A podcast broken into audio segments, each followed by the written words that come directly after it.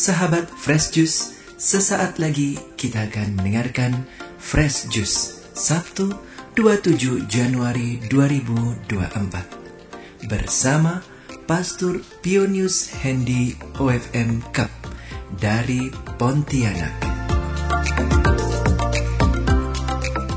Kami juga ingin menginformasikan bahwa Fresh Juice akan mengadakan siarah bersama ke Holy Land tanggal 9 sampai 20 Maret 2024. Keberangkatan dari Jakarta bersama Romo Vincent Widi MGL dan keluarga Yofi Natasa dan Joshua. Pendaftaran terakhir di akhir Januari ini.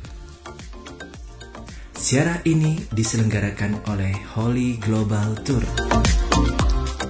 Untuk info lengkap bisa langsung WA ke 0821 1212 2525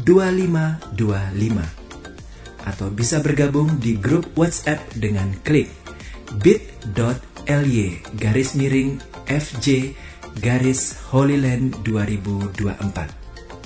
Akhirnya, mari kita mendengarkan renungan hari ini.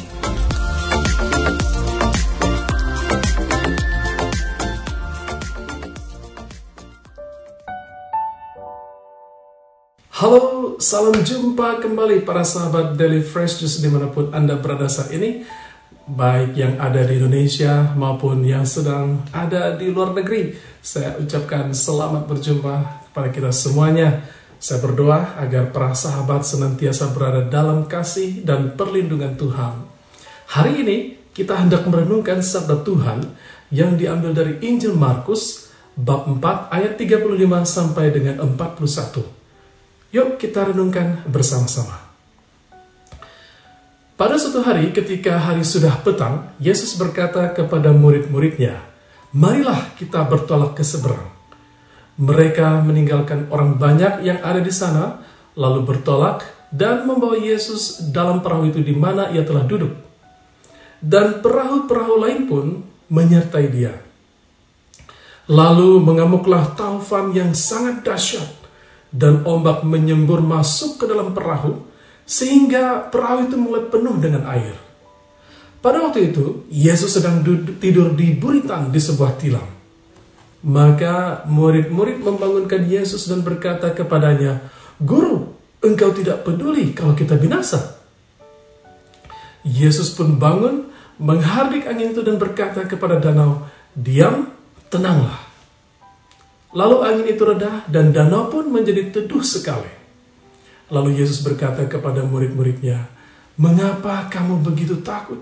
Mengapa kamu tidak percaya? Mereka menjadi sangat takut dan berkata seorang kepada yang lain, siapakah gerangan orang ini?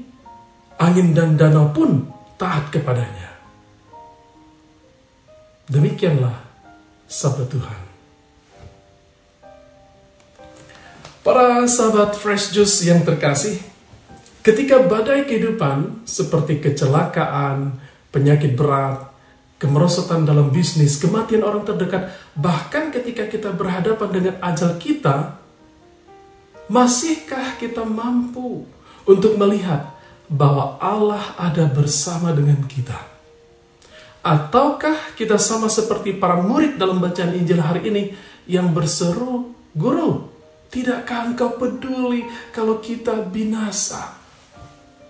Teriakan mereka adalah teriakan orang yang putus asa, yang menyalahkan Tuhan seolah-olah dia tidak peduli terhadap situasi hidup mereka.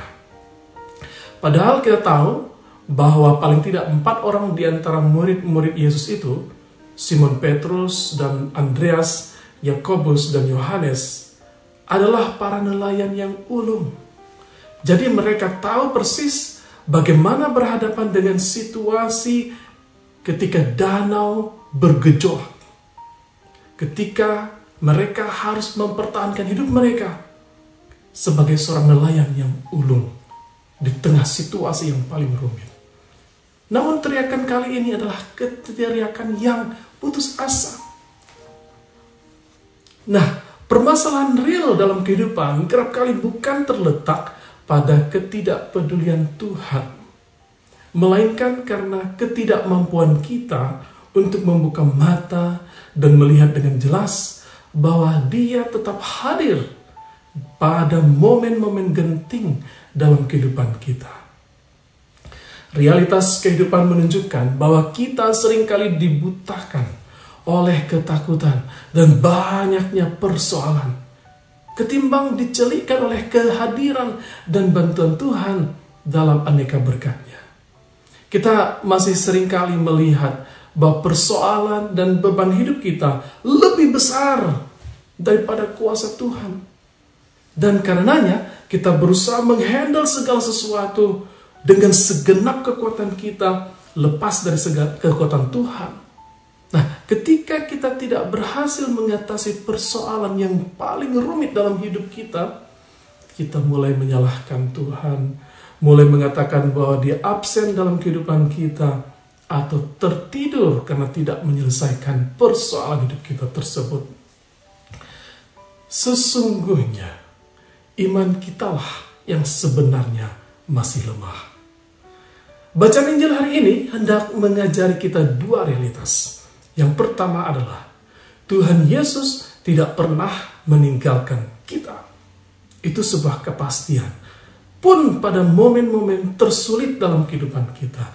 Sebaliknya, dia peduli dan berjalan bersama dengan kita dan orang yang sungguh berpasrah kepadanya. Mengapa? Sebab dia adalah putra Allah yang selalu menyertai dan menolong umatnya dalam aneka kesulitan. Dialah Sang Immanuel, Allah beserta kita. Ketika berpisah dengan para muridnya, Yesus tidak pernah berkata, goodbye para muridku, selamat tinggal.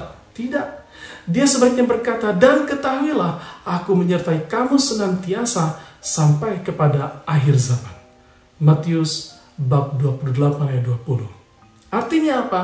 Artinya Tuhan tetap berkuasa menyertai para muridnya sampai selama-lamanya. Itu yang pertama. Yang kedua, mau ditunjukkan juga bahwa Tuhan Yesus sungguh berkuasa atas alam semesta.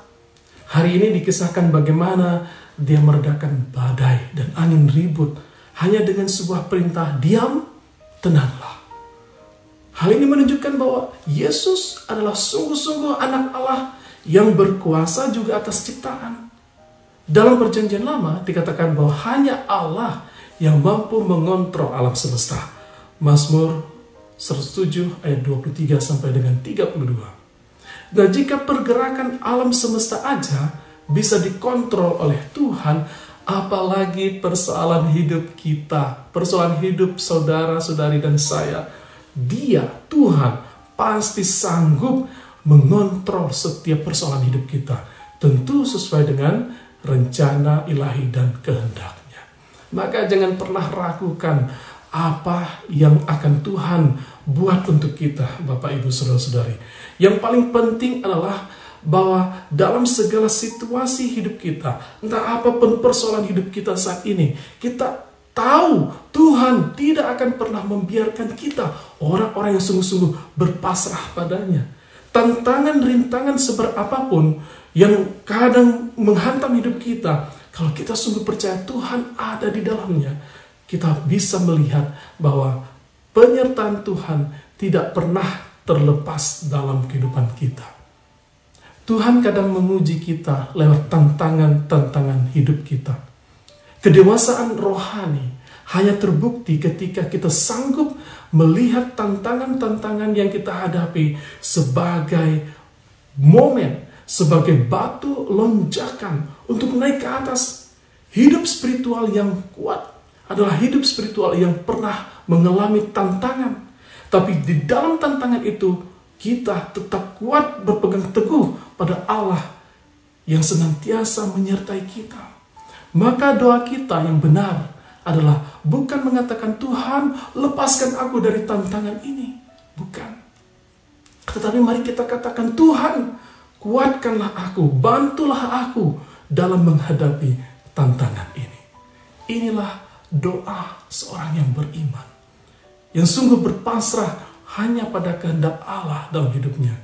Dan semoga saudara dan saya sungguh-sungguh bisa menjadi pribadi-pribadi handal yang beriman kokoh teguh meskipun berhadapan dengan tantangan terberat dalam hidup.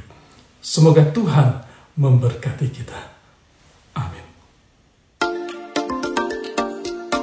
Sahabat Fresh Juice, kita baru saja mendengarkan Fresh Juice Sabtu 27 Januari 2024. Saya Yofi Setiawan beserta segenap tim Fresh Juice mengucapkan terima kasih kepada Pastor Pionius Hendy untuk renungannya pada hari ini.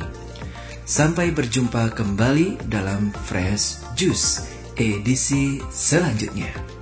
Tetap semangat, jaga kesehatan dan salam fresh juice.